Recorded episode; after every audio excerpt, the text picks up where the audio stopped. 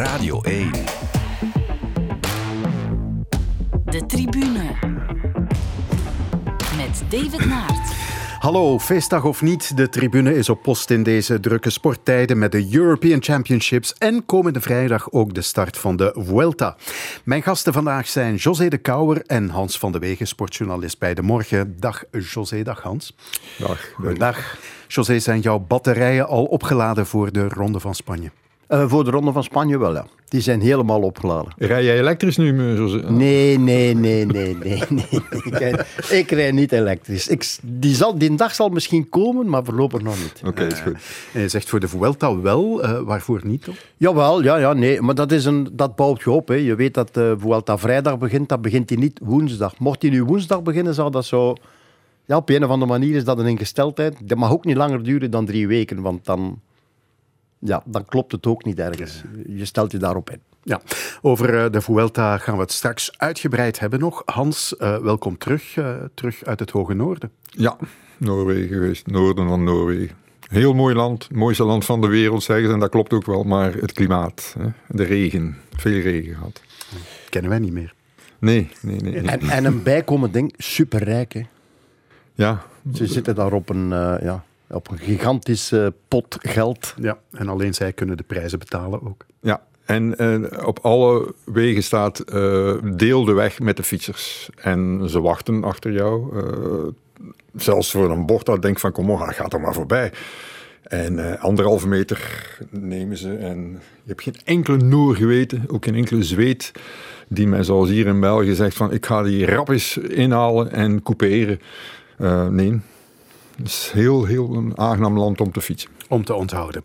We trappen hier af in de tribune met de momenten van de week. En eerst het moment van Hans. Groesset bovenaan beeld ook goed weg. Hij is 200ste sneller. Maar Popovici in 22,74. Dat is twee tienden sneller dan uh, gisteren. Dus als hij nu zwemt wat hij gisteren deed in de tweede 50, dan is het zover. 46,91 wordt 46,86. Hij schrijft geschiedenis. Je zou kunnen zeggen, dit is de nieuwe Tarzan. De snelste zwemmer ter wereld is een 17-jarige Roemeen. How do you feel? I feel good. A little tired, but uh, I'm pretty happy about it. And uh, I look forward to lowering it uh, in the future. But right now you seem pretty cool to me. Yeah, because uh, I got to cool off for a second. But I'm very uh, yeah, I'm, I'm hyped up, you know. For, I'm a little hyped up. Het is er niet aan te horen, maar hij is hyped up. David Popovici, een zwemfenomeen helemaal nu. Ja, ik was vorig jaar ben ik in Tokio gaan kijken naar de finale. En daar was, ja oké, okay, zevende op de 100, vierde op de 200. Ik was bij de 100. Vrijslag. Maar ja, je zag gewoon, als je die ziet zwemmen... Het is een pure, pure zwemmer. En, um, ja, en als ik dan die wedstrijd heb teruggezien op een onmogelijk uur uh, van Popovici nu, van zaterdag, dan zie, dan zie ik Van de Hogeband terug, maar de betere versie. En ik heb ook aan Van de Hogeband een, een berichtje gestuurd. Zei, is dit de VDH 2.0? En hij zei, reken maar op. Zei, de pure zwemmer. Het is, uh, voor mij is het genieten. Wat maakt van iemand een pure zwemmer, zoals je dat noemt? Uh, de manier waarop die in het water ligt, zich voorbeweegt in het water. Uh, hij, ligt bijvoorbeeld ook op het water. Hè. Dus er zijn heel veel mensen die zeggen, je moet eigenlijk onder de waterlijn net, uh, total immersion noemen ze dat, en dan heb je de minste weerstand. Maar in de sprintnummers, hoewel 100 meter, is eigenlijk een 400 meter in het lopen. Hè. De 100, dat duurt, duurt 45 seconden of 47 seconden in dit geval. Dus uh, hij ligt eigenlijk op het water. Het is alsof hij een soort foil heeft. Hè. Je hebt van, tegenwoordig van die, die, die, die, die planksurfers, uh, of die, die surfers die boven op het water komen. Hij komt ook boven op het water. En hij heeft een soort, ja, ik noem het een soort orka-beweging. En Pieter van Oomand had, had dat ook. Die hoge elleboog, die techniek is perfect. Mm. Maar hij is een betere versie van Van den Hogeband. Waarom? Omdat hij uh, veel beter is in de start, veel beter is bij het keerpunt en ook veel beter zijn onderwaterwerk. En dat zal nog verbeteren, want de jongen is nog maar 17 jaar, dus hij wordt nog krachtiger. Mm -hmm. Hij heeft het lichaam van Wout van Aert na het crossseizoen, 1,90 meter, 79 kilo. Vroeger waren de sprinters 95 kilo. Alain Bernard, uh, Cielo die het wereldrecord had. Allemaal met polyurethaan pakken. De snelle zwempakken. drijfvermogen, want die bodybuilders konden normaal de tweede 50 niet aan, maar aangezien ze daar met een, een soort surfpak lagen, konden ze natuurlijk wel terugkomen. Maar nu, ja, die gast gaat af heel snel en komt in 24-12 terug. Ja, dat is... Hij heeft, is ook al een keer in 24.05 teruggekomen. Hè? Dus er komt een dag dat hij zijn tweede 50 onder de 24 zwemt. Ja, dat zijn, dat zijn fenomenale prestaties. En hij doet het in een strakke, weliswaar, zwembroek. Zoals Van den Hogenband. En zoals, en dan moet je terug, nog, nog verder terug, maar het is moeilijk om terug te gaan tot Alex Popov.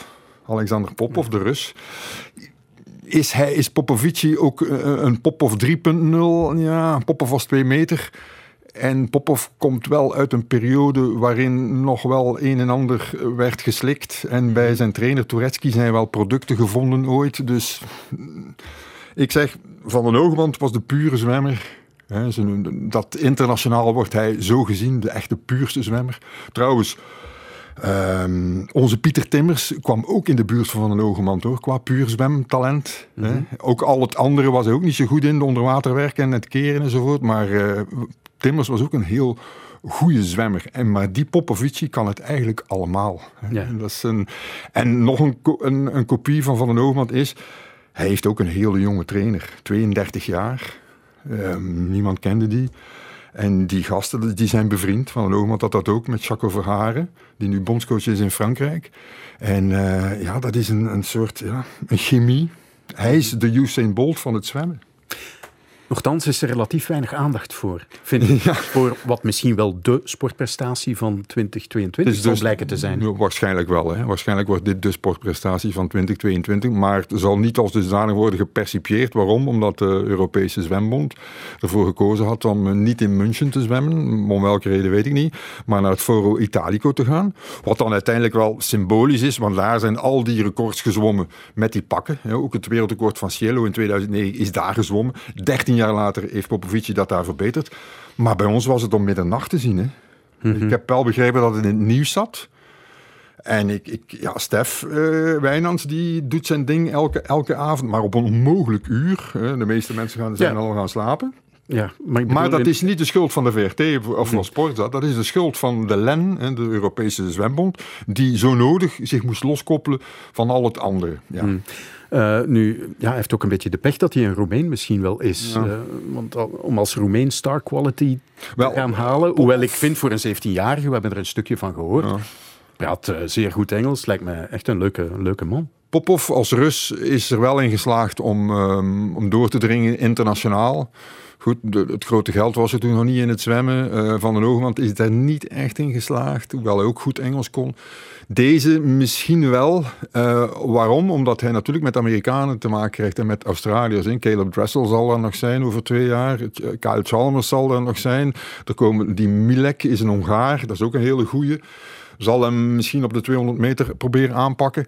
Um, het zwemmen, ik, ik, zou de mensen de raad geven om voor het zwemmen uh, tickets te vragen. Je zal ze misschien niet krijgen, maar sommige mensen zullen ze kunnen krijgen. Tickets zullen eh, hot zijn voor de Olympische Spelen in Parijs hoor. Ja. Voor de 100 en de 200 alvast. Hij heeft er een uur geleden trouwens de 200 vrije slag ook gewonnen in Rome. Uh, derde tijd in de geschiedenis. 1.42.97. Ja, dat is het scherpste record aller tijden. Hè? Van 1.42 rond van, van Biederman. Ja. Ja. Ook gezwommen in Rome, ook op dat WK in 2009. Ook snelle pakken. Ook met, het, ook met een uh, polyurethaanpak. Dat is het scherpste record. En uh, daar zal hij misschien nog wel even over doen.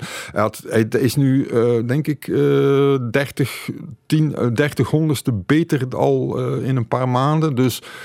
Parijs, daar gaat hij, of nog voor Parijs, uh, ja. Olympische Spelen, gaat hij onder die 1,42. Ja. ja. het is trouwens een kampioenschap in open lucht. Dat vind ik wel super om dat nog eens te hebben. Ja, ja, uh, nee, toch? Ja, uiteraard. Ja, dat is het. Dat is, ja, ik vond, ja, men heeft dat niet altijd. Zwemmers hebben dat niet altijd zo graag, maar. Uh, ja, blijkbaar in Italië is het een heel snel bad. Wat is een snel bad? Dat is ook weer de vraag.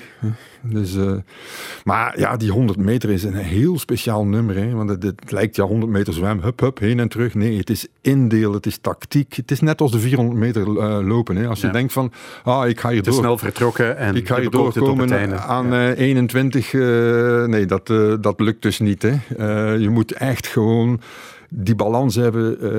de eerste 50 overschot keren en dan terug naar huis. En dan op het einde nog kunnen versnellen. Of minder vertragen dan de anderen is het eigenlijk. Zo klinkt de liefde voor de 100 meter vrije slag. Dan gaan we naar het moment van José.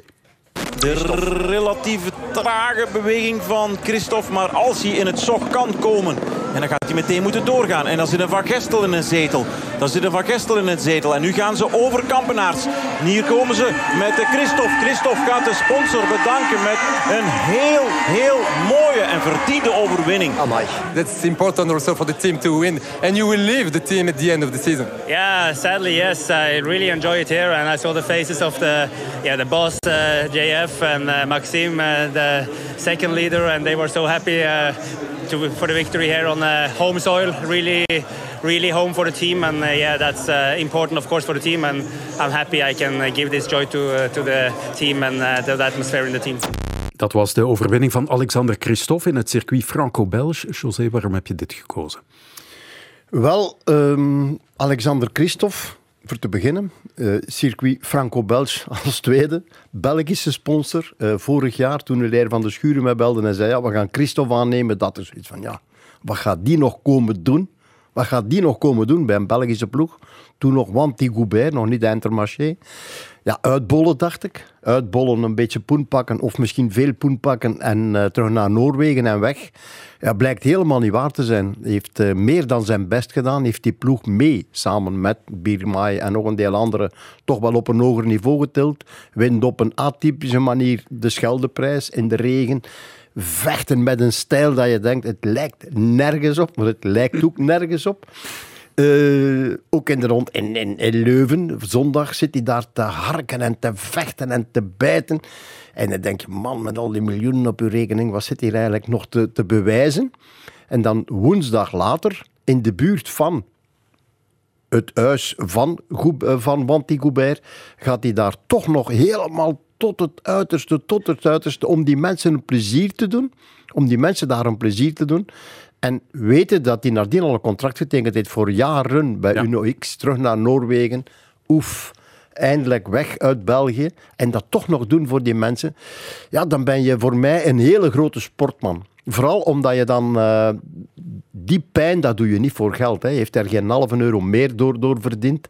Hij heeft gewoon uit respect voor die mensen eh, heeft hem dat gedaan. En dat zal dan wel liggen aan de ploegleiding, aan de manier waarop ze hem behandeld hebben en binnen die ploeg meegewerkt hebben. Maar ik vind dat klasse en eigenlijk eh, geweldig naar anderen toe. Het zijn naar eender welke sporters toe die betaald worden, die dan aan een van hun laatste jaren bezig zijn soms en die dan vaak zoiets hebben, oh ja, kom ja, ik word betaald, maar, maar verder maak ik me daar niet druk in.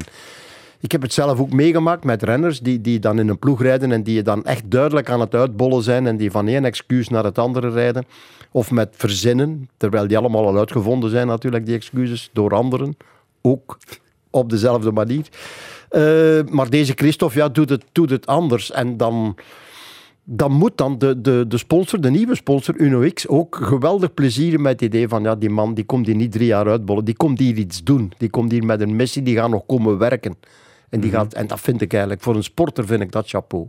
En op welk niveau zou hij daar nog werken, denk je? Oh ja, die kan daar. 35 eh, ondertussen. Ja, ja, maar die hebben een, eh, een hele jonge cultuur. Die hebben hele goede jongeren. Zowel de Denen als de Noorden hebben hele goede jonge wielrenners. Vaak hebben redelijk veel drop-out, omdat die. Die niet die wielercultuur hebben die wij hebben, zo van, van absoluut wielrenner willen worden. Die zijn op 18 jaar zijn die wereldtop en die komen een meisje tegen en die zeggen, ja, eigenlijk, ja, dat koersen. Ik stop daarmee. Bij ons bestaat dat niet. Bij ons is dat meisje weg en blijven die mannen koersen. Meestal. Niet altijd. In het goede geval blijft dat meisje en koersen ze verder. maar, maar ik bedoel, daar gaat Christophe een deel van zijn rol kunnen, eh, kunnen invullen qua serieus, die mannen iets bijbrengen. En, en gisteren op het Europees kampioenschap zie je die jongens van Uno X, zie je daar met Christophe rondtoeren. Te veel, veel te gretig, veel te vroeg. Maar je ziet wel dat ze er vol voor, voor, voor Ja. willen gaan. Dus ze hebben een kopman. Ja. Weet, jij trouwens wat Uno X is? Ja, benzinestation. Ah, maar ik heb ze, Met een van tegengekomen in het, Noorwegen. eh, het meest iconische benzinestation dat ooit gemaakt is. Eigenlijk cultuur, een cultuurstuk dat, eigenlijk, dat je kan gaan bekijken. Een van de meest moderne, dat ondertussen, ik denk 50 jaar oud is, of meer dan 50 jaar oud is. Dat eigenlijk meer als, als ja, presentje wordt, wordt bekeken. Ja, ja, het is een, eh, een heel groot Maar het, is niet, maar het is niet de goedkoopste van Noorwegen. Dus Ah, ik, nee, ik heb ja. er maar één keer, één keer getankt. Je moet ook een wielenploeg kunnen sponsoren. Ja. Zeg, en Intermarché, Wanty Gobert, wat, wat vind jij van die ploeg? En Ik vind dat daar een heel aangename, positieve sfeer rond hangt. Quinte Hermans zal het misschien niet met mij eens zijn, maar voor de rest zal wel wel. Eh, ze zijn daar eigenlijk eh, inderdaad hè, met een uh, ja, Hilaire van der Schuren, de opa van het wielrennen, zal ik maar zeggen, op een, op een, ja, op een manier binnengerold. eh, zo van ja. En het lukte op een bepaald moment, amateuristisch zullen we maar zeggen. Uh, maar meer en meer zijn ze zich toch gaan pro professionaliseren, samen met Piva, samen met Eike Visbeek. En op die manier zijn ze beter en beter uh, in de markt gaan liggen. Ze hebben renners vrijheden gegeven, wat heel belangrijk is. Jongeren hebben daar, of zelfs niet-jongeren hebben daar een tweede kans gekregen en gegrepen met een soort vaderfiguur als Hilaire van der Schuren, met een soort fanatiekeling als Valerio Piva en er dan toch een beetje wetenschap bij met uh, Eike Visbeek. Om, om, omringd met nog een paar trainers uit Nederland. Uit Amsterdam. Ja. Uit Amsterdam onder andere. Ik Jan van der Rijden ja. of zoiets is daarbij. Jim van den Berg ook. Ja, Jim van den, die bedoel ik. Ja. Jim van den Berg, ja. ja, ik heb met, daar contact mee gehad die vroeger. met uh, Taco van, van der Oren werkt. Mm -hmm. Ja. Dat zijn, uh, en die zei mij van ja, uh, als Hilaire uh, een probleem heeft met een renner in de zin van wat moet ik ermee doen, dan stuurt hij en dan gaan wij daar en ze werken daarmee. niet, niet zomaar, enfin, niet voor de, ze hangen daar niet aan de grote klok, maar er zit wel wetenschap achter. Ja, ja, ja, ja ik weet het. Ja. Het enige dat ze, vind ik, foutje gemaakt hebben, en dat hebben ze nadien toegegeven, dat eigenlijk nooit mogen gebeuren. Er is te weinig gesproken met met Quinten Hermans, want dat had nooit gehoeven. Als je dan niet tourselectie. 14 ja. dagen later zegt, ja, maar nu zijn we eruit. Ja, dan had je net zo goed 14 dagen ervoor ook kunnen, kunnen spreken. En Quinten had altijd zijn plaats voor mij. Altijd in die tourploeg. In die tourploeg altijd. Zeker met die paar aankomsten die er waren. De tribune. We blijven in de koers met uh, nieuws dat uh, vers van de naald is. Tom Dumoulin stopt met onmiddellijke ingang als uh, renner. Normaal zou hij nog tot en tot en met het WK op de fiets blijven. Um, José, ik zie jou knikken. Dit komt niet als een verrassing, denk ik. Nee, ik vind het zo jammer. Maar dan zo jammer. Ik ken Dumoulin relatief goed. Het is te zeggen, tussen aanhalingstekens, we zien weinig renners vanuit de commentaarpositie. En zeker als we in Brussel zitten, zien we helemaal geen renners. Maar, maar vroeger dan toch meer. Ik heb er een paar keren toch wel echt een goed gesprek mee gehad. Ik vind het zo'n geweldige renner geweest. Zo'n mooie renner, intelligente kerel. Uh, misschien net dat tikkeltje te braaf, te intelligent om te koersen. Te veel nadenken. Alhoewel, ja, kan je te intelligent zijn? Nee, want dan ben je weer niet intelligent genoeg. Nee, maar te veel denken ja, misschien. Hè? Ja, ja. Ik, allee, de... Je begrijpt wat ik bedoel. Hè. Dus uh, vooral na zijn overwinning in de Giro is hem... Uh, vond het hij allemaal een beetje te veel om op die manier wielrenner te moeten zijn. Het is jammer voor de wielrennerij en het is een... een uh, nog maar eens een wake-up call, zal ik maar zeggen, voor, voor veel andere sporters om, om proberen, en vooral voor de omgeving van de sporters, om te proberen en om dat sneller in te zien. Het is gewoon te ver gegaan en hij is nooit meer teruggekomen. Mm -hmm. ja. Maar het is jammer. Het is ja. jammer voor de wielrennerij. Echt een talent. En, en een product voor de wielrennerij om, om, om mee naar buiten te komen. Ja, maar zijn interviews waren ook altijd goed. Hè? Als hij een interview gaf, hè, want het was niet makkelijk om erbij te geraken. Mhm. Mm -hmm. Zeker niet na zijn mentale problemen. Maar ja, zoals hij daar dan bij die Amstel Gold Race ineens langs de kant verscheen en, en stond te kijken, ja, dat is toch, ja, toch een atypisch figuur. Ik denk toch te veel nadenken, zoals je mag niet te veel nadenken. Nee, nee, nee, ja. ja, dus, uh, ja. Ik, ja, denk, ik, ik, denk nu bijvoorbeeld aan te veel nadenken ook meteen aan Ties Benoot. Hè. Die zal ook nadenken nu. Hè. Ik bedoel, die heeft dat meegemaakt. Mee, mee die is door het oog van de naald gekropen. En uh, ja, dat is toch een probleem hoor. Als je als je te veel moet beginnen nadenken over waar ben ik mee bezig, wat is het gevaar, wat dit, moet ik zo mager zijn? Hè? In het geval van Tom Dumoulin was, was dat ook het probleem. Hè? Van, ja, plus die inderdaad, hè, die opofferingen die de renners nu doen. Hè, je, hebt, je kent, volgt het wielrennen ook al 40 jaar, om het zo uit te drukken. Van waar we komen, of ze komen. Mm -hmm. hè, dat was altijd de atletiek, die staan voor en de atletiek, die staan voor. Ja, oké, okay, die stond ervoor en achter met van alles en nog wat, om het zo uit te drukken. Maar ook zeker voor op veel dingen. De wielrennerij staat nu, ik denk, een van de, de moeilijkste sporten die er nu zijn, is de wielrennerij. Om, om in de samenleving met een familie en een gezin te ah, leven. Ja, zeker. Uh, weken, weken weg. Uh, goh, moet je dat... Ja, ik, ik kan het mijzelf niet voorstellen nu. Ik was nogal een speelvogel vroeger. om, om, nu, om nu wielrenner te zijn. Maar de opofferingen die ze nu moeten doen en ook de begeleiding nu en, en de controle die er is op, op, op, op wat ze doen. eh, ja, dat, is, dat was vroeger niet. Hè. Nee, dat, nee, ja, dat- en dat, dat was, het was makkelijker. En nu denk ik dat een aantal van die gasten na een tijd zeggen van ja jongens, dit, eh, dit hou ik niet vol. Dan krijg je, we gaan nog du Dumoulins krijgen. En dat bedoel ik daarmee. Ja. Ik bedoel, het, het is zo moeilijk geworden, vooral voor de ploegleiding. En daar kwam ik er net bij Leer van de Schuren uit, om het simpel en makkelijk te houden. Want dat wordt in de toekomst de bedoeling. Hè. Dat wordt het moeilijke. Om die mannen, eh, als je nu daar het leven van Wout van Aert gaat bekijken. Ik bedoel, ja, allee. Ja, maar, het is simpel. Hè. Wout van Aert kan dit nu nog en zal het misschien nog heel lang kunnen. Zijn collega, die eigenlijk beter was, getalenteerd, Mathieu, die kan dat dus niet. Hè. Mathieu van, van, en dan zie je van, ja, Ja, Ja. het wordt moeilijk. Op de European Championships stond zondag de wegrit bij de mannen op het programma. Van Larberg heeft nog een versnelling. En daar komt Merlier. Merlier is los. Merlier is los. Is hij helemaal los of komen er nog anderen? Merlier, Merlier, Merlier, Merlier. Zorgt hij voor plezier? Daar komt Jacobsen. Merlier of Jacobsen. Wie gaat het worden? Het is Jacobsen die Europees kampioen is. Ja, het is een ploegoverwinning. Eh, zeker met, een, met jongens waar ik veel mee koers, maar nooit echt mee samenrij. En eh, ik ja, vind het super knap dat zij dat voor mij willen doen. En eh, ja, daar krijg ik gewoon een beetje kippenvel van als ik het zeg. Hey. Derde plaats, team, kan je ermee leven? Moeilijk, ja. Ik was er eh, dichtbij. Ik denk dat ze mij al passeren eh, de laatste 25 meter. Ja, ik denk dat ik eh, net iets te vroeg moest beginnen. En eh, ja, spijtig, want echt eh eh, zo'n ploeg had voor mij. Ja, José Kont hield eh, na de wedstrijd vooral dat er dan toch nog saaie wedstrijden bestaan in het wielrennen. Eh, maar goed, de sprint, wat vond je daar nu uiteindelijk van?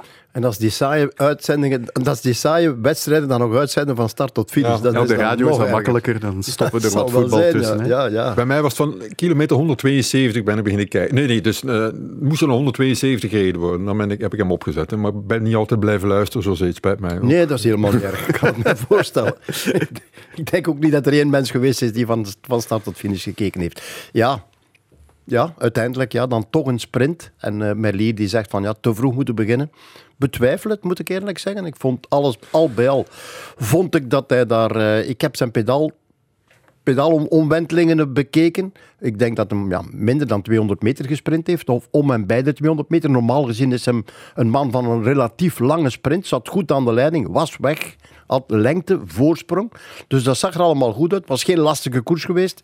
Maar Jacobsen kwam gewoon sneller. Eh, geweldig gepil- gepiloteerd door Van Poppel, die hem eigenlijk bracht tot in het spoor, tot in het spoor van Merlier.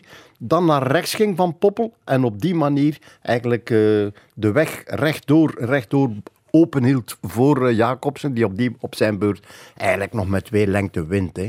Slimmer dus, de Nederlanders? Eh, ja, kwamen, in het, kwamen uit het spoor van Teuns, Teuns van Lerbergen. De Italianen die zich een beetje vergalopeerd hadden met eh, aan te gaan in de laatste kilometer Met met Ganna. Waarvan ik dacht, ja, die gaat doorrijden. Maar die reed eigenlijk net te kort, dacht ik, waardoor ze die laatste bocht ingingen met eh, ja, één of twee één man te weinig, zeker. Ging het tempo er een klein beetje uit. Alhoewel, en dan kwam Teuns, ik vond dat hij dat heel goed gedaan heeft. Dan kwam Van Lerbergen, had misschien tien me- of misschien had Merlier tien meter langer mogen wachten. Had gekund, maar had nog altijd niet opgebracht, denk ik. Want als je ziet met welke snelheid uiteindelijk Jacobsen er nog aankomt. En je moet u de vraag gaan stellen: is Jacobsen sneller dan Merlier? Misschien wel. Denk ik. Ja, misschien wel. Dus ja, dat zal, op, dat zal later nog wel blijken. Alhoewel ze nu in dezelfde ploeg gaan rijden. Dus. Ja. Ja, en Merlier leek mij echt niet gelukkig. En volgens mij is dat een, is dat een, nijdig bazeke, als ik dat zo zie. En zo ene die ja, rap ongelukkig zal zijn. Bij. Ik, ik, ik heb mijn... Vind je het een goede eh, transfer voor hem? Merlier moet eh, nog internationaal renner worden, om het zo te drukken. Oké, hij heeft daar wel een geweldige toeretappe gewonnen, mede dankzij Jasper Philipsen en Mathieu van der Poel die daar die etappe geweldig eh, liet uitspelen. Hij heeft, eh, wint de eerste etappe van de Ronde van Italië op een geweldige manier. En tussen de lijnen door, nee, niet tussen de lijnen door, gewoon op papier gezet door Patrick Lefevre. Ik zou willen dat hem de Vuelta uitrijdt. Ja, ik heb dat gelezen. Ja, ja, ja. Dus eh, dat zegt voldoende. Dus, eh, maar het is een snelle. Hij gaat zeker nog heel veel wedstrijden winnen. En heeft daar met, eh, ja, met Morkov of met een Van Lerbergen wel de juiste mannen bij zich. Ja. Het baanwielrennen wil ik het ook kort uh, even over hebben. Uh, Lotte Kopecky is net als vierde geëindigd in het Omnium. Dus het blijft voor haar bij uh, die twee medailles voorlopig. Twee keer goud. Puntenkoers, afvalling. dat komt dan naast Robbe Gijs ook in de puntenkoers. Zo was het toch, hè? En Jules Hesters in de hmm. afvalling. Ja, ja, zeg ik het allemaal goed. Dat is heel knap, Hans. Maar jammer dat het niet Olympische disciplines zijn, denk ik dan. Of ben ik te streng? Nee, ik denk uh, dat is ons, ons specialisme, hè, om, om uh, op niet-Olympische disciplines te schitteren. Uh, in triathlon was dat ook altijd. Hè. We waren de nummer één voor een lange afstand, bij wijze van spreken. Maar ja, het was geen Olympische afstand. Maar goed, ja, Kopecky komt uit de Tour. ik moet wel zeggen, de manier waarop ze de, de afvalling heeft gewonnen was wel... de moeite, hè? ik vind het ook knap hoe ze die knop heeft snel kunnen omdraaien, want de Tour was toch een tegenvaller. ja, goed. Ja, het is, was toch niet wat zij er zelf van verwacht? Nee, ze had verwacht dat ze één of twee ritten zou kunnen winnen. En, uh, maar ik ken die vrouw, ik, ik, zei bijna meisje, want ik heb haar leren kennen als meisje. Toen ik uh, bij de Wielerbond zat, uh, zat zij bij ons op de topsportschool. En ik herinner me nog altijd hoe ze daar rondliep tussen al die grote muilen, zal ik maar zeggen. Met veel respect, zoals Jasper de Buis zat daar ook allemaal. En, en, en Robbe zat daar ook, Robbe Gijs. En... Uh, ja, geïntimideerd, maar dan ging ze toch mee met die gasten trainen en zo. En het was, was een, een bijtertje, zoals ze dat zegt. En, en, en ik, heb daar ont, ik heb ontzettend veel respect voor haar. Ze heeft niet de makkelijkste weg gekozen ook. En, en verliefd worden op haar trainer. En, en, dat houdt stand ook nog, die relatie. En het trainerschap ook nog. Lotte, ja, ik, geen kwaad woord over Lotte. Maar Lotte zou, moet in Parijs nog een keer gaan voor die Omnium punt uit. Hè. En dan die puntenkoers, ja, dat is dat er allemaal niet natuurlijk, en afvalling. Uh, maar daar moet ze zich op concentreren als ze nog op de baan zal blijven rijden. Hè. Natuurlijk, als ze allemaal klassiekers zal beginnen winnen, is misschien de verleiding groot om, om niet meer op de wielerbaan te rijden. Maar het is, ik vind een alleskunner en uh, mag wel eens.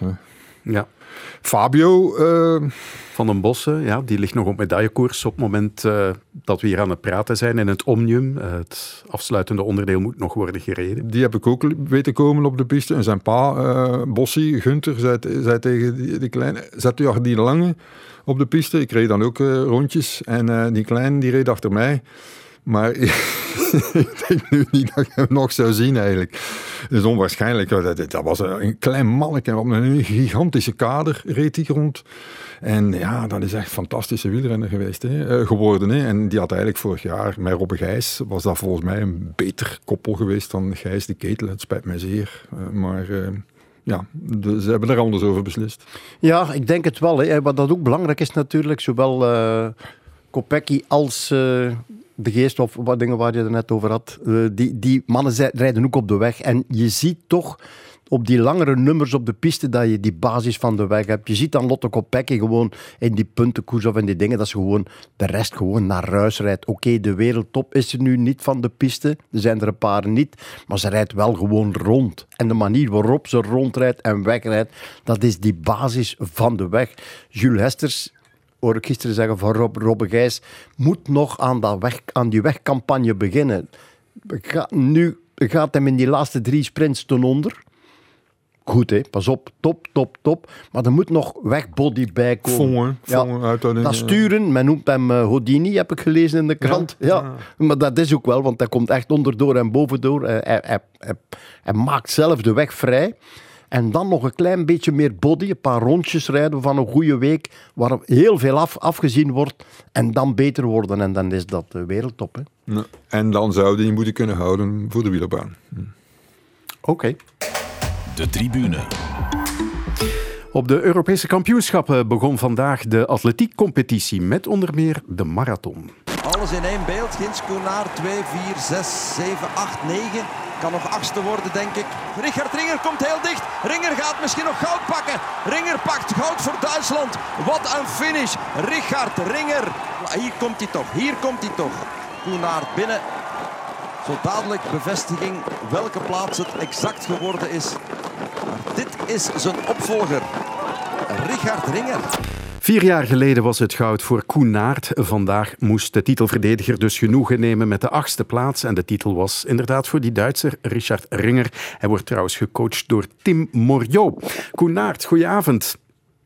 Hey, goedenavond David. We zijn nu al enkele uren na de marathon. Hoe kijk je er nu op terug?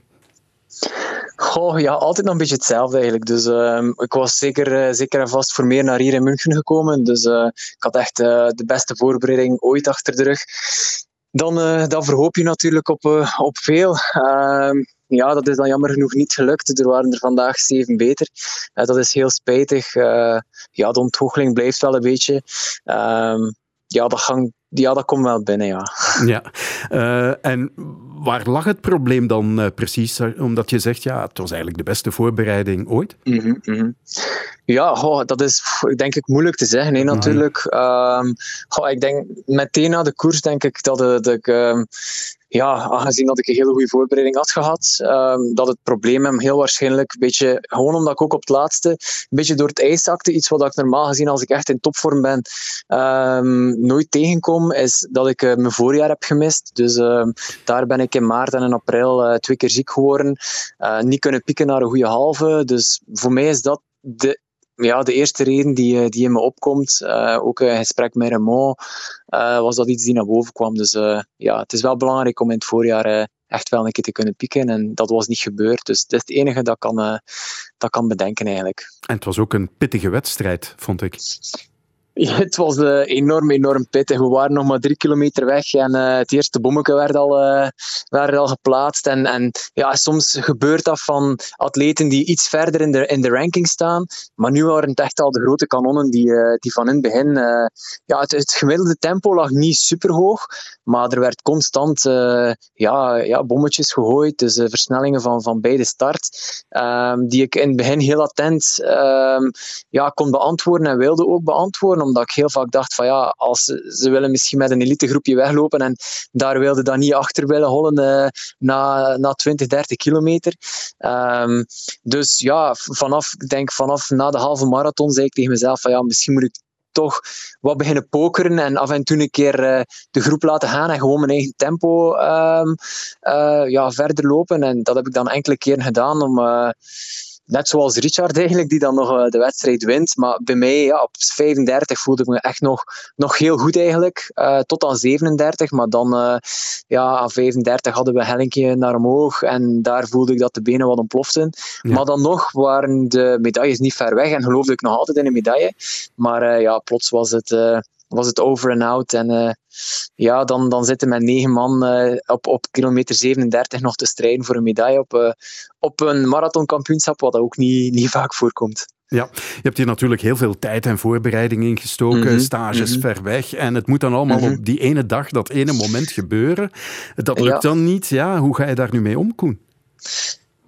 Ja, dat is moeilijk. Uh, meteen na de wedstrijd. Uh, ja, ik vind het vooral ook jammer voor, uh, voor mijn familie, die, die ook heel veel opofferingen doet. Ik zeg, ik zeg altijd, voor mij zijn dat keuzes. Ik maak die keuzes in mijn leven om, uh, om aan topsport te doen. Maar voor hen zijn dat echt opofferingen. Uh, ja, mijn vrouw kiest er niet voor om, ja, dat, dat ik zo lang weg ben. Dus voor hen zijn dat echt opofferingen. En ik vond het echt heel jammer. Ik had ook heel graag een medaille. Zeker omdat mijn zoontje daar al heel erg in meeleeft. Die is oud genoeg om dat te begrijpen. Een grote sportfanaat.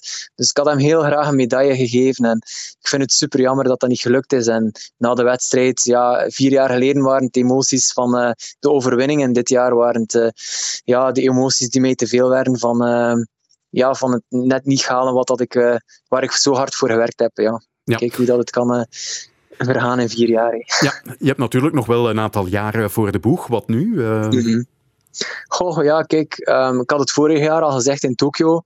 We kijken nog richting 24 um, naar Parijs, maar nog niet verder. Maar als ik zie fysiologisch dat ik jaar na jaar, of, of eigenlijk marathonvoorbereiding na marathonvoorbereiding blijf groeien, denk ik dat ik mijn, mijn volle potentieel nog niet heb bereikt. Um, dus ik denk, ja, we kijken nu eerst richting Parijs, maar ik denk dat de kans wel groot is dat ik nog, nog verder ga op de marathon. Uh, speelt de leeftijd niet zo'n hele grote rol als, als je lichaam en uh, als het gezin nog mee wil natuurlijk. Maar als ik zie fysiologisch hoe, hoe goed dat ik vorig jaar in december was, hoe goed dat ik in augustus dit jaar ben, maar het is jammer genoeg twee keer niet gebeurt op, op de dag dat het moest gebeuren. En ja, dat is marathon. Je hebt niet altijd... eh, je hebt de goede dagen niet altijd voor te kiezen. En als ik zou willen, zou ik morgen weer willen proberen. Of volgende week, want mijn conditie is echt zo uitmuntend. Maar kijk, ja.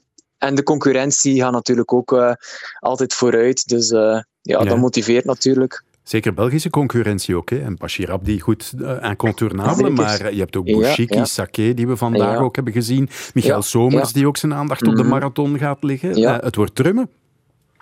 Ja, Dieter Kersten, Lassene Bouchiki, je zit er nog een paar vergeten. Dus eh, inderdaad, het is mooi. Ah, Ik ben wel, ben wel blij dat, ah, dat Bashir en ik eh, terug, ja, pioniers, of niet terug, maar pioniers geworden zijn van, eh, van onze mooie marathonsport. Dus eh, ik denk dat wij twee dat ook wel merken, dat, dat echt weer begint te leven. Ehm, Bashir de laatste ja, twee, drie jaar enorm, altijd enorm goed. Hij was wel ontgoocheld na het WK, maar ik denk als je dan ziet, ehm, ja, ik word dan nu op het EK achtste. Eh, hij wordt opnieuw derde en de mensen zijn ontgoocheld, maar een bronzen plak op een WK, ja, dat is gewoon fenomenaal. Dus eh, dat moet gewoon echt naar waarde worden geschat. Maar ik denk dat Ehm, vooral hij ontgoocheld was. eh. ja, maar ik denk ook dat ah, de entourage. Ja, ik las dan bijvoorbeeld dat, dat ze met 40 man in de kantine eh, aan het kijken waren bij de racing. En dan 39 van de 40 zijn dat hij een medaille ging halen. Maar ja, dat is niet evident. eh. Ehm, maar ja, ik, het, het is fantastisch voor onze sport. En ik ben blij dat we, dat we alle twee pioniers zijn voor, voor zo'n mooie, voor zo'n mooie sport. Ja. En ga je nu snel wat bijeten? Ja, het is nodig. Ehm, morgen vertrekken we op reis, dus ik ben blij dat ik eh even terug veel tijd kan maken voor, eh, voor het gezin, eh, voor dat academiejaar terug start in eind, eind september. Dus ik ga nu even wel ehm, ja, alle, alle aandacht voor, voor de kindjes. Ehm, ja. En voor mijn vrouw natuurlijk ook. Uiteraard. Koen, heel fijn dat je even aan de lijn wilde komen. Geen En met veel we horen elkaar gauw. Tot de volgende keer. Super, dat is goed. Dag. De tribune.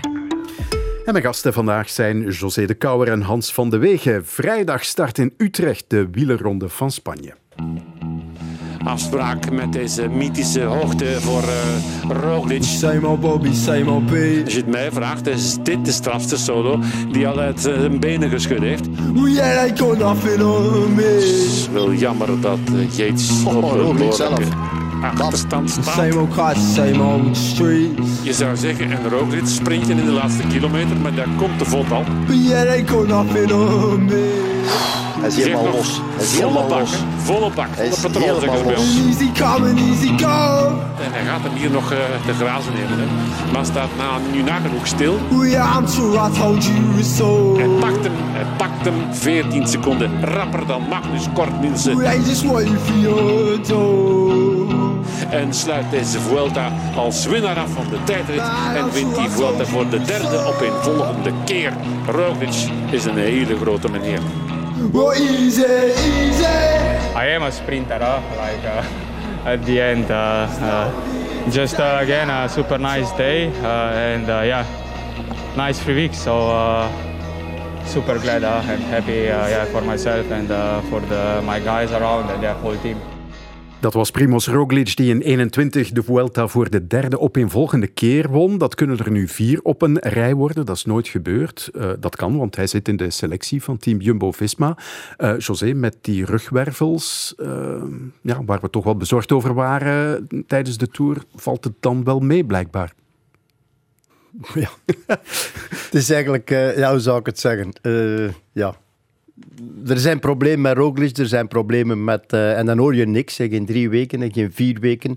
En dan vandaag, vandaag pas wordt uh, medegedeeld, Roglic start.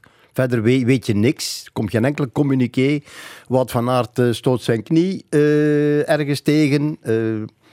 gaat hij starten? Kan hij starten? Mag hij starten? Zal hij starten?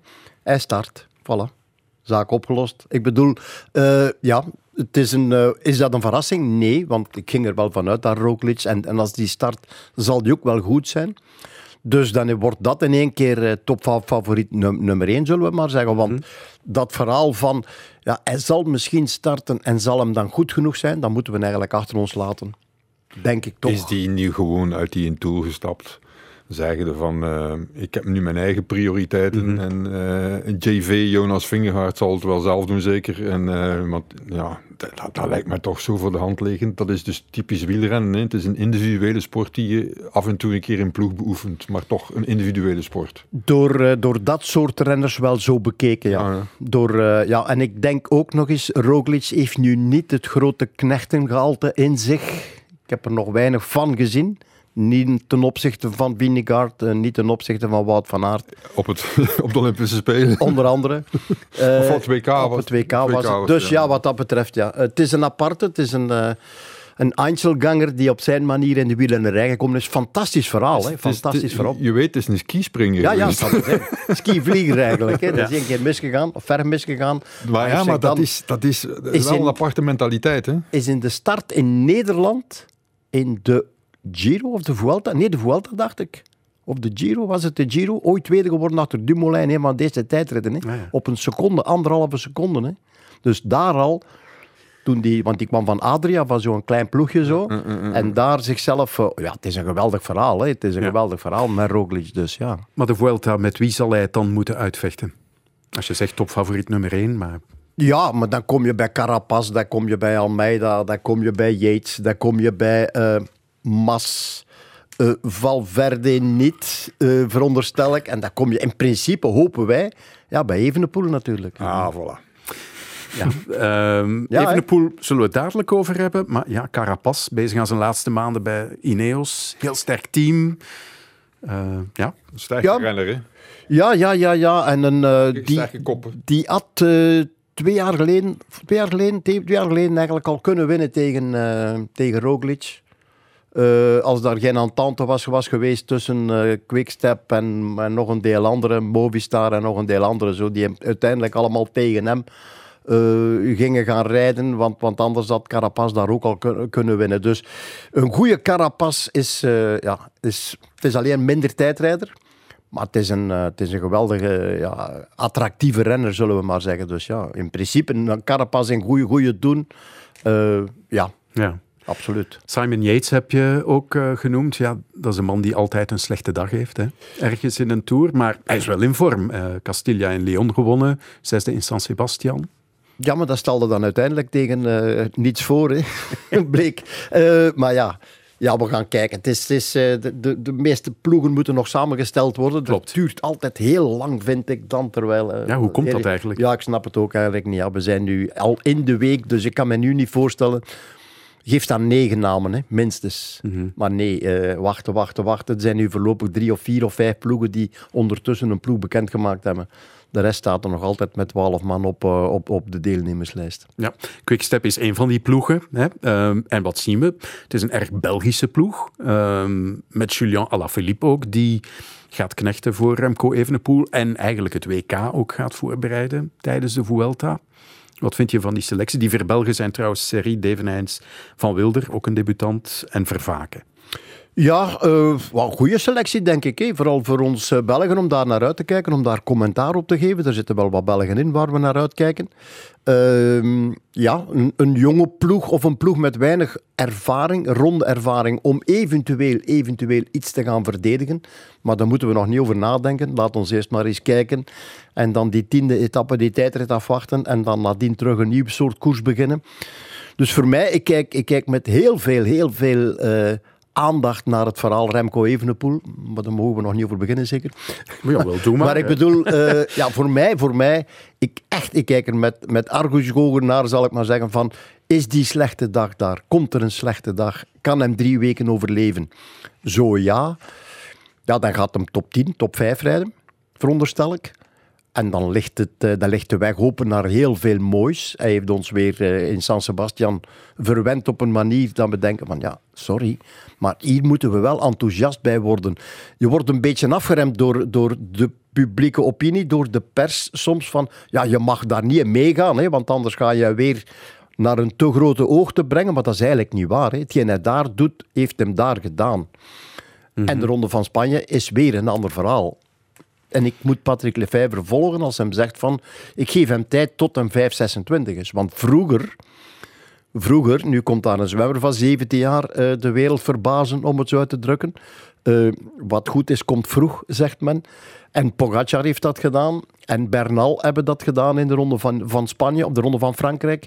Eh, dat we dat op een duur normaal gaan vinden. Maar hij is nog altijd maar 22. Maar er zal nooit een zwemmer van 17 jaar de 1500 meter op deze manier winnen. Hè. Dus je moet, om een ronde uit te rijden, moet je een bepaalde leeftijd hebben. Oké, Po- Pogacar, Pogacar heeft dat was gedaan, een stuk jonger, maar, maar hij was ook al veel langer wielrenner dan Remco Evenepoel. Voilà, ik- dat is het hem juist. Dus ik vind, ik vind voor, mij, voor mij heeft die Ronde van Spanje een enorme betekenis. Ik ga door alles dwars doorkijken. Als, als wielerliefhebber, maar ook als ex-ploegleider en als in het peloton gezeten te hebben, van te kijken hoe, hoe kan hij die drie weken verwerken. En als dat tot een goed einde komt, dan, ja, dan hebben we er eentje. Maar wat ik vind, José, jij had daar waarschijnlijk wel kunnen op antwoorden, je kent er meer van dan ik. Wat ik soms zie van Evenepoel is, hij is gewend geweest altijd van iedereen naar huis te rijden. Op het moment dat hij ziet dat er iemand bij hem rondrijdt die blijkbaar ook niet moet ademen, dan wordt het lastig blijkbaar. Dan, dan, dan heeft hij zoiets van, oei oei, zijn er hier nog goeie? En, en, eh, ja, en als het dan wat minder gaat, eh, ik herinner me naar een wedstrijd dat hij op, op, op, een, een stijl stuk echt een, een minuut bijna verliest. Eh, Zwitserland zeker, hè? Ja, Ja. ja. en dat ik denk van, hey, hoe is, hoe is het- dan laat hij het eigenlijk schieten. Hè? Ja, wel, maar dat is hetgeen, dat, eh, dat bedoel ik met die drie weken. Dat gaat hem ook moeten leren. Hè. Die, die, eh, Niet in paniek slaan. Nee, nee, eh, er zijn nu zoveel meetoestellen en, en begeleidingsmodaliteiten of zaken, zal ik maar zeggen, waarbij je op kunt zien van oké, het is nog goed, hè, het is nog goed. En als die slechte dag er is en hij verliest een minuut, ja, en als je die tijdrit niet wint, maar je pakt tijd op iemand anders, want daar gaat het hem over. Hè. Ja. Je hoeft niet die tijdrit te winnen om, om de Vuelta te winnen. Dus ik bedoel, die, die, die ronde, die grote ronde mentaliteit, want dat is een andere mentaliteit dan koersen. Ik bedoel, dan een eendagskoers. Een ronde mentaliteit is morgen kijken. Morgen. Wat komt er dan?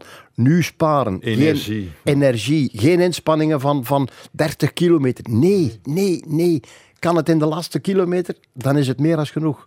Kan het daar? Kan het daar? Maar, maar zeker geen, geen eh, ja, avonturen gaan aangaan van eh, hij gaat hier een solo doen en vandaag drie minuten nemen en morgen vier minuten verliezen. Hij heeft ook sowieso zelf al de verwachtingen wel getemperd. Als je dat vergelijkt met het hele gedoe rond de Giro toen hij daar eh, aan de start kwam. Hij is heel voorzichtig. Hè? Britzegens, top 10. Ja, maar de Giro was ook het, allee, van het domste wat ik in de laatste twintig jaar in de wielrennerij gezien heb. Ook qua, qua, qua eh, interviews, Koen Pelgrims, de trainer van, althans een goede trainer veronderstel ik, die gaat zeggen, Remco is goed, had negen maanden niet gekoerst. Negen maanden niet gekoerst. Ik heb één man gehoord uit die ploeg, de dokter, die mij zei, Hans, nee. Hij heeft nog nooit, heeft nog nooit zijn Hogenberg naar boven gereden en hij heeft negen maanden niet gekoerst. Het zal, nee, wat- ik was daar ook mee, mee hoor, van ah, even een poel. eh. En die van Van Mol zei, Hans, Ja, om die man maar, maar te noemen. Hè. Maar ik heb vanuit de ploeg zelf toen sms'jes gekregen van mensen dat ik zei, ja, wat denk je ervan? Hè? Zo om bevestiging te krijgen. Hè? Wat denk je ervan? Ja, proberen, proberen kijken. En als die top 10... Wat dat voor mij belangrijk is, is een goede derde week rijden. Goed aankomen. Gezond aankomen. En dan kan er in de toekomst heel veel.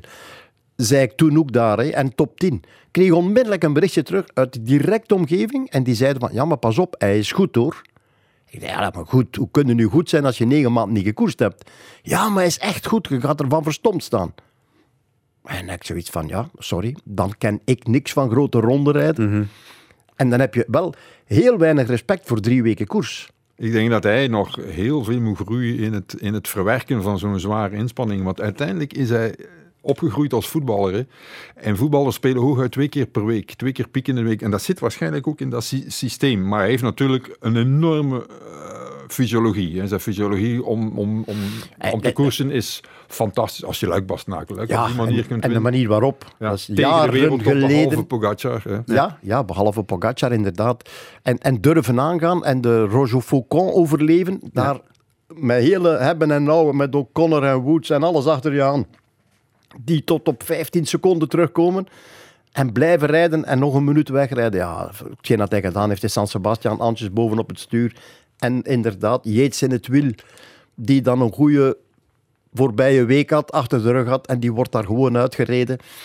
Ja, dan kan je niet anders dan dol enthousiast worden. Maar ik ga elke dag opnieuw kijken wat er gebeurt. eh, ja, ben, ik kijk echt... eh, ik heb nog nooit zo uitgekeken naar de Ronde van Spanje dan nu. Maar Dat kan ik begrijpen. Ooit wint hij volgens mij een grote ronde. Ooit. Maar dat kan ook als hij 32 is. hè. De Vuelta van dit jaar begint met een ploegentijdrit. Dat is ook leuk. Dat is ook spek naar de bek van de ploeg van Patrick Lefevre. Ja, maar de, de kans bestaat op regen, heb ik gezien. Ja, dat zou Het is nog niet zo ver natuurlijk, maar de kans bestaat dat het regent. En dan is een ploegentijdrit super gevaarlijk om tegen de grond te gaan. En, en eh, je gaat daar de, de Ronde van Spanje niet winnen. Ze. Je, moet die, je moet die vol rijden, maar toch met een stukje zekerheid. Niet zo van dat super gekke zo. Het, het wordt ook voor dat, voor dat ook wordt een moeilijke test, omdat hij is zo goed, hij is zo aerodynamisch. Eh, wie ga je daarachter zetten? En hoe ga je dat regelen? Eh, eh, eh, Ik zou er niet wel naar achter rijden, maar gezien, ik bedoel, je hebt er niks aan. Hè? nee, jij zeker niet. ik, ik zou er ook kunnen achterrijden. Qua lengte ben ik ongeveer zo groot als, als Remco, maar ik kan mij zo diep niet, meer- niet meer bukken. Dus dat brengt ook al niet meer op. Dus nee, het wordt een hele moeilijke opgave, want als iemand goed is in een ploegentijdrit, dan moet hij net, wat Patrick Lefebvre deze week ook gezegd heeft, net dat klein beetje tempo optrekken en dat er een beetje langer doen dan de rest. Je moet je ploegmakkers vooral sparen. Ja. Maar je kan die, eh, het is nooit zo stil dan, dan voor en na een ploegentijdrit. Je hebt er eh, van degenen die starten, heb je er drie die supergoed waren. Dat zijn de mannen met de grootste klep. Die babbelen en die kan je niet stil krijgen. Na de, na de rit, er waren er een stuk of twee bij die waren redelijk. En die zijn kalm, die doen mee, die kunnen meelachen. En er zijn er twee of drie bij die echt helemaal niet goed waren. En die horen van ganse dag niet. Die gaan een kwartier vroeger van tafel. En die gaan in, de spiegel voor de, voor de dingen kijken en zeggen... Ik kan dus echt niks, hè. Zeg, eh, ja, die tijdrit dan na de tweede rustdag, dat is een belangrijke voor dat klassement dan. Waar is die? Wat is een vlakke? Het is een vlakke tijdrit. Het is een vlakke tijdrit, Eh, maar 30 later die week is er de finish in de. Sierra Nevada. Ja, Sierra Nevada, waar eh, je kan de Sierra opnemen en dan kan de via Almonique, nou, wat was het? Mon, Monchique. Eh, Nee. drie, drie, vier verschillende Ja, drie, vier verschillende eh, dingen. Maar er is er nu er is er eentje bij, de eerste gedeelte van een kilometer of drie, vier, die heel steil zijn. Dat laatste gedeelte is dan weer minder steil, maar men gaat nu naar 2500 meter. Voorbij het... eh, Voorbij het hotel. het, Ol- het Olympisch Hotel dat ze daar hebben. Hè. Dus dat wordt een test, maar er komen nog zoveel testen. Het heeft nog een klein beetje geluk dat er die echte supermuren niet in zitten. Geen Angliru of zo? Nee, nee, nee, dat zit er niet in. Er zitten wel een paar steile pukkels bij, maar niet om aan te komen. Dus ik bedoel... Allee, ja, dat, dat, dat, dat moet ook allemaal in de toekomst. Hè. En, en, maar, maar dat zit er nu niet in. En, en ja, we gaan na tien dagen kijken of, of, of die tijdrit nog belangrijk is, of belangrijk wordt. Ja. En, en inderdaad, twee Er minuten zijn al pakken, wat aankomsten bergop dan. Hè. twee minuten pakken in die tijdrit en er Sanderendaags drie verliezen. Hoe is het in de warmte? Want dat is de Vuelta. Enfin, het is niet overal wel warm Ja. geweest. De Tour was ook verschrikkelijk. Maar de Vuelta is meestal... Ik ben daar een keer geweest voor een interview met Tony Martin. En ik, ik s'avonds om 10 uur in Granada 36 graden. en dan moesten die gasten dan in koers een dag nadien. Dat was verschrikkelijk. Ja, dat is, eh, maar ook dat is... Een, een, een- het lichaam van een rondrenner moet rond zijn. Hè. Ik bedoel, het moet compleet zijn. Je moet een goed lichaam hebben, je moet een goede maag hebben. Je moet, ja. Nog veel meer dan een klassieke renner, of een renner van een week, moet een ronde renner van drie weken eigenlijk een... een ja, dan moet een, een compleet iets of iemand zijn. En, en dat is hetgeen waar we eigenlijk op zitten te wachten nu. Ja. Maar dat kan groeien, hè? Ja, geen enkel probleem. Absoluut. Vroeger, vroeger zei men altijd, ja, beneden de 26 win je, win je nooit een grote ronde. Oké, merks wel. maar, maar veel anderen niet. Ja, de Vuelta. We kijken er naar uit vanaf vrijdag elke dag te volgen bij Sportza. En daarmee zijn we al bijna klaar met deze aflevering van de Tribune. Laatste vraag, overbodig denk ik. Waar kijken jullie op sportief gebied naar uit de volgende week? Ik heb het gezegd. Hans? Ah, het EK Atletiek is kijken of onze Belgen bevestigen. Laten we het hopen. De voortekenen zijn alvast gunstig. Hans van de Wegen en José de Kouwer, bedankt om erbij te zijn. Volgende maandag, 22 augustus, zijn we er met een nieuwe aflevering van de Tribune. Tot dan.